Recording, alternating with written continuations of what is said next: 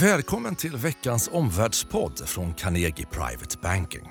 Omvärldsstrategerna Helena Haraldsson och Henrik von Sydow belyser tre händelser inom makro och politik som påverkar de finansiella marknaderna. Torsdagen den 21 mars, klockan är två på eftermiddagen. Idag är Henrik med oss från Malmö där han precis varit lunchtalare på Ekonomiforum Skåne. Och ikväll är han värd och leder sensamtalen på Carnegie efter börsen på Hotell Duxiana i Malmö. Är du med oss Henrik? Ja, det är jag. Jag sitter på vårt kontor i Malmö med vacker utsikt mot eh, Västra hamnen. Ah. Idag så har vi tänkt analysera vad Fed sa på det tunga mötet igår, vad det betyder för börsen. Och från Henrik, heta händelser, bland annat Brexit. Och avsluta med det vi har fått många frågor på. Varför är Kina årets vinnarbörs? Mm. Vi kan väl börja med dig Helena. Och Fed hade ju ett möte igår kväll. Det var ju en mjuk ton, eller den mjuka tonen och låga räntorna har ju varit någonting som har ja, eh, verkligen drivit eh, börsen uppåt i år förstås. Då. Eh, mm. Nu var det både ny räntebana och dessutom frågestund på mötet igår. Vad lyssnade du till i budskapet? Jag tyckte framförallt att slutsatsen var att det här var en, det är en följetong av duvaktiga signaler. Och beskedet i sig var intressant. När det gäller räntan så signalerar de ingen räntehöjning i år, det vill säga 2019. Det hade de i sin decemberbana, två stycken. Mm. En höjning 2020 och sen inte så mycket därefter. Och det här är ett väldigt duvaktigt besked. Men det som kanske överraskar mest det var balansräkningskommentarerna. Det var en positiv överraskning för marknaderna. Man ska mm. nämligen avsluta minskningen i balansräkningen i september med att börja nedtrappa den redan i maj. Det här var då tidigare än vad marknaden hade trott. Så att mm. det jag tycker är att de signalerar tålmodighet och en avvaktande hållning. Mm. Mm. Jag vet att du lyssnade på hela eh, presskonferensen inklusive frågestunden. Mm. Eh, hur, hur, beskriver Fed eh, amerikansk ekonomi och inflationsrisker? Då, det är tydligt. Hygglig ekonomisk tillväxt är vad de ser, men lite långsammare än tidigare. Men inga alarmerande signaler egentligen. Men det är så tydligt att det är ekonomin som är i fokus. Jag skulle snarare kanske till och med säga börsen i fokus. Mm. Däremot så är det lite intressant det de säger om inflationen. Ingen inflationsoro säger deras chef Powell, trots att han beskriver arbetsmarknaden som väldigt stark. Han ser löner som enbart något positivt, inget som ger honom inflationsoro eller anledning till det. Till och med att han gick så långt på en fråga och sa att inflationen är inte övertygande vid målet på 2 än. Så väldigt, väldigt mm. lugn på inflationsfronten. Hur, du, eh, vad, tror du, hur reagerade marknaden på det här då? Eh, ja, kommentarer på det? Ja, initialt var det en, en, ganska logisk reaktion. Det var, dollarn föll, en svag dollar. Eh, Medan det blev positivt då för börsen som steg och positivt för räntorna som föll. Och de föll ganska ja. kraftigt, nästan 10 punkter. Mm. Eh, och den förändringen stod sig. Börsstängningen däremot blev lite mer neutral faktiskt. Och det kanske beror mm. på att marknaden redan hade prisat ut alla höjningar. Och nu tror man ju då mm. faktiskt på en sänkning i år.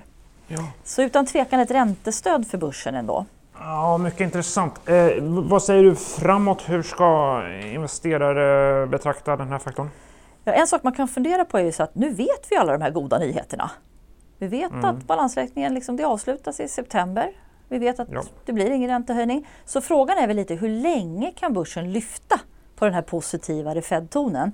Min bedömning då av vad som är viktigt, vad de kan göra, det är att höjning är avlägset. De höjde ribban för det med det här scenariot mm. de har.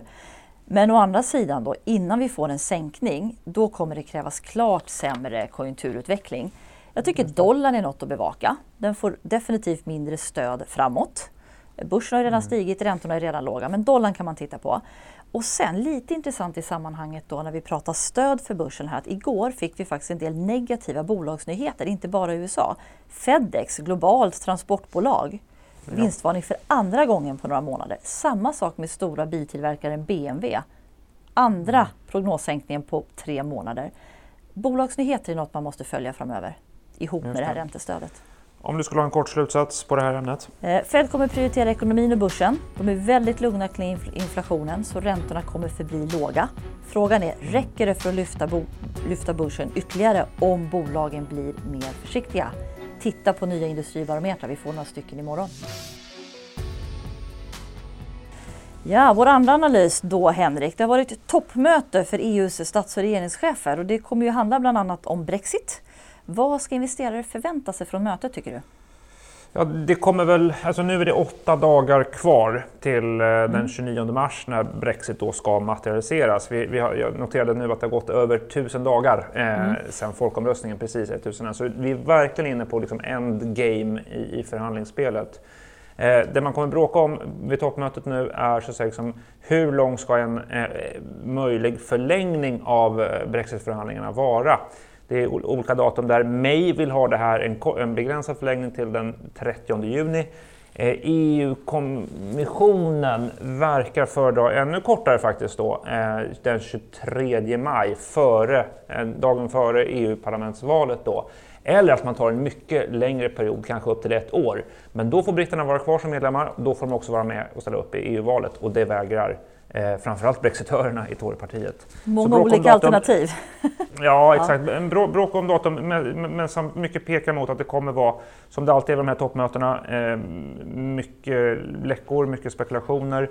Eh, sannolikt kan man vid det här toppmötet, det är inte klart, inte givet, men man kan ordna som en mm. begräns, begränsad förlängning. Men då undrar man lite, vad betyder en begränsad förlängning? Vad kan politiker använda den här tiden till och, och hur ska bolagen använda tiden? Ja, mycket bra frågor. Alltså jag tror att är det en begränsad förlängning till antingen maj eller juni, då kan man säga att det finns inte tid för en, en, folkomröstning, det finns inte tid för ett extraval. Eh, det finns inte tid att i substans förhandla om det här avtalet. Utan eh, en begränsad förlängning kan användas till egentligen två saker. Det första är att använda tiden för att, så att säga, förbereda en tredje omröstning i det mm. brittiska parlamentet om utträdesavtalet. Eh, det, det är görbart. En, så att säga, möjligen kan man göra någon justering i avtalet, kanske addera till en tidsbegränsning på den här backstoppen eller reservlösningen för, för Nordirland då. Möjligen det som skulle kunna ge ett mm. stöd i, i det brittiska parlamentet. Det andra du kan använda tiden till, ja det är ju faktiskt att förbereda ett eventuellt avtalslöst utträde i slutet av, det, av den mm. förlängningsperioden. Eh, genom att, så att säga, ha tillfälliga arrangemang, eh, särskilda administrationer, eh, ha tillfällig lagstiftning och liknande mm. som så att säga, minimerar ekonomiska skador av ett avtalslöst utträde. Nu är det bara åtta dagar kvar Henrik. Vad är risken för ett avtalslöst utträde, en så kallad hård Brexit? Ja, det, det, är ju kvar på bordet ska sägas alltså. Det, det, det, finns som ett alternativ. Vi har ju sett ett sådant dysfunktionellt brittiskt parlament, eh, Storbritannien som har svårt att fatta beslut. Eh, det finns olika uppfattningar på EU-sidan också om hur man ser på det här med förlängning. Eh, det är komplex, komplext, så att säga, komplexa förhandlingar. Det går inte att utesluta så att säga, eh, det scenariot om ett avtalslöst utträde. Sannolikheten kanske är någonstans mellan 10 och 20 procent, vilket är rätt högt med tanke på, på vilka konsekvenser. Man ska veta för dock att i slutändan, en timma eh, före eh, klockan 23 då, nästa fredag, så är det möjligt för den brittiska regeringen att dra tillbaka aktiveringen av artikel 50 som det mm. då kallas, alltså utträdesförhandlingarna. Mm. Men då blir det ju ingen Brexit, då får man börja om från början. Så att säga, och det är ett politiskt väldigt svårt beslut att ta för, för den brittiska regeringen. Vi har ju tidigare på pratat om bolagens beredskapsplaner. Vad är kostnaden om det här drar ut på tiden? Ja, så dels kan man väl säga så här, alltså vi har ju pratat om, om, om kostnaden och konsekvenserna för så att säga eh, eh, bolagens beredskapsplaner. Dras det här ut ytterligare så att ja, det, det är inte bra för IPO-klimatet kanske i Europa mm. då, att det blir svårare med, med planerade transaktioner och, och eh, det blir ytterligare en period mm. av osäkerhet. Samtidigt ska man säga så att alltså, den stora kostnaderna för bolagen, de kommer ju efter, efter Brexit, mm. när Brexit verkligen materialiseras. Det är en sak att förbereda sig på det. Mm. Eh, riskerna finns ju förstås för kostnadssmällar när Brexit väl eh, materialiseras. Mm. Om du ska ge en kort slutsats av allt det här Henrik, vad blir det då? Ja, eh, komplext, eh, mycket, mycket besvärlig förhandling. Huvudscenario är ändå att man landar ner på en begränsad förlängning till antingen mm. maj eller juni.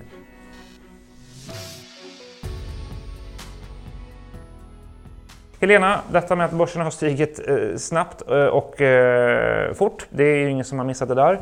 Men faktum är att starkast av alla börser är faktiskt den kinesiska börsen. Eh, kan du förklara drivkrafterna där? Och också, i tidigare poddar så har vi pratat om kinesiska obligationer. Är det fortfarande en intressant investering? Eh, ja, det stämmer Henrik. Förra året var ett väldigt tufft börsår, inte minst för Kina då, som drabbades av både högre tullar och att de själva bromsade utlåningen i ekonomin. Så Kina-börsen förra året föll faktiskt hela 10 procent, något mindre i svenska kronor. Eh, men vårt tema då var ju i höstas framförallt obligationer i Kina och det var ganska vältajmat faktiskt. Vi såg fallande räntor och en starkare yuan, det har vi pratat om i tidigare poddar. Där steg ungefär 10% som bäst så vi har faktiskt tagit hem en del av vinsten men har kvar en del av positionen också då för vi tycker att det är jättespännande att den här stora räntemarknaden öppnas upp och snart kan inkluderas i stora globala ränteindex. Då kan det öka intresset och flöden då från stora globala förvaltare. Mm. Och nu rusar också då börsen Kina där vi också har övervikt. Eh, kan du berätta mer? Ja, det här rusar, men det är framförallt på något som heter A-aktier som är upp ungefär 25 procent i år. Så det heter verkligen dug och ännu mer i svenska kronor, nästan 30. Mm. Eh, A-aktier är ju kinesiska bolag som är noterade på fastlandet i Kina. Förut har ju många utländska investerare framförallt kunnat handla aktier som är listade i Hongkong som kallas H-aktier. Men nu är det A-aktierna som rusar och det, precis som du sa, det beror faktiskt inte på ekonomin. Jag tror att det finns fyra faktorer som är viktiga här. Det ena är ökade flöden. För bara några mm. veckor sedan så fick vi veta att Kina kommer inkluderas i stora tillväxtmarknadsaktieindex men vikten kommer fyrdubblas fram till 3% eller upp till 3% fram till våren 2020. Det är bara ett år bort. Det här var en överraskning så det här ökar intresset och det ökar flödena. Det andra mm. skälet är naturligtvis minskad tullrisk. Vi har pratat i åtskilliga poddar om att handelssamtalen nu indikerar någon sorts överenskommelse. Även om mötet just mellan Trump och Xi kan dröja. Då. Det tredje är att Kinas ekonomi bromsar men de levererar stimulanser. Bara för att ge något exempel, då deras nationella partikongress som precis har avslutats kom ju med detaljer. Momssänkning 1 april, lägre socialförsäkringsavgifter 1 maj. Så det här duggar mm. tätt. Nu väntar vi bara på effekterna. Så det inger hopp till investerarna. Och sen glöm inte det som gjorde att vi, ett av huvudskälen till att vi tog en övervikt, det var den låga värderingen. Av de stora börserna så är det bara Japan och Kina som handlas till P tal under 15 års genomsnitt just nu. Mm, fyra faktorer som mm. förklarar alltså. Ja. Du, givet detta, vilka råd eh, ger du och kan du berätta lite mer om hur vi har investerat i Kina? Ja, som vi nämnde då så har vi fortfarande övervikt mot kinesiska aktier. Vi tycker att det är så spännande att den här fastlandsmarknaden, alltså A-aktierna, öppnas upp för mm. internationella mm. investerare. Även om då ledningen kan vara där och peta ibland tyvärr. Vi rekommenderar mm. alltid aktiv fond, eller alltid men ofta på tillväxtmarknader. Det är viktigt att ha lokal närvaro och kompetens. Eh, vi gillar fonder som kan vara på många av de kinesiska aktielistorna. Eh, till exempel en fond som kanske har runt 40% i A-aktier som den vi har valt. Mm. För då mm. får man exponering mot de här nya delarna i ekonomin och man får också med automatik då mer diversifiering. Mm. Spännande. Eh, och en kort slutsats? Ja, vi tycker att det är spännande med Kina trots mer modest ekonomi. De levererar stimulanser. Vi har tagit vinst i våra obligationer, inte fullt ut men en del. Och vi har fortfarande övervikt mot Kina-börsen där A-aktier är så spännande när marknaden öppnas upp och värderingen är låg. Dagens tre slutsatser. Feds möte, lugn och avvaktande hållning så börsen har fortsatt räntestöd. Bevaka dollarn. Den andra slutsatsen, Brexit. Begränsad förlängning är det mest sannolika scenariot. Och tre, Kinas vinnarbörs i år är fortfarande spännande, särskilt fastlandssektorerna, det vill säga A-aktier och den nya ekonomin.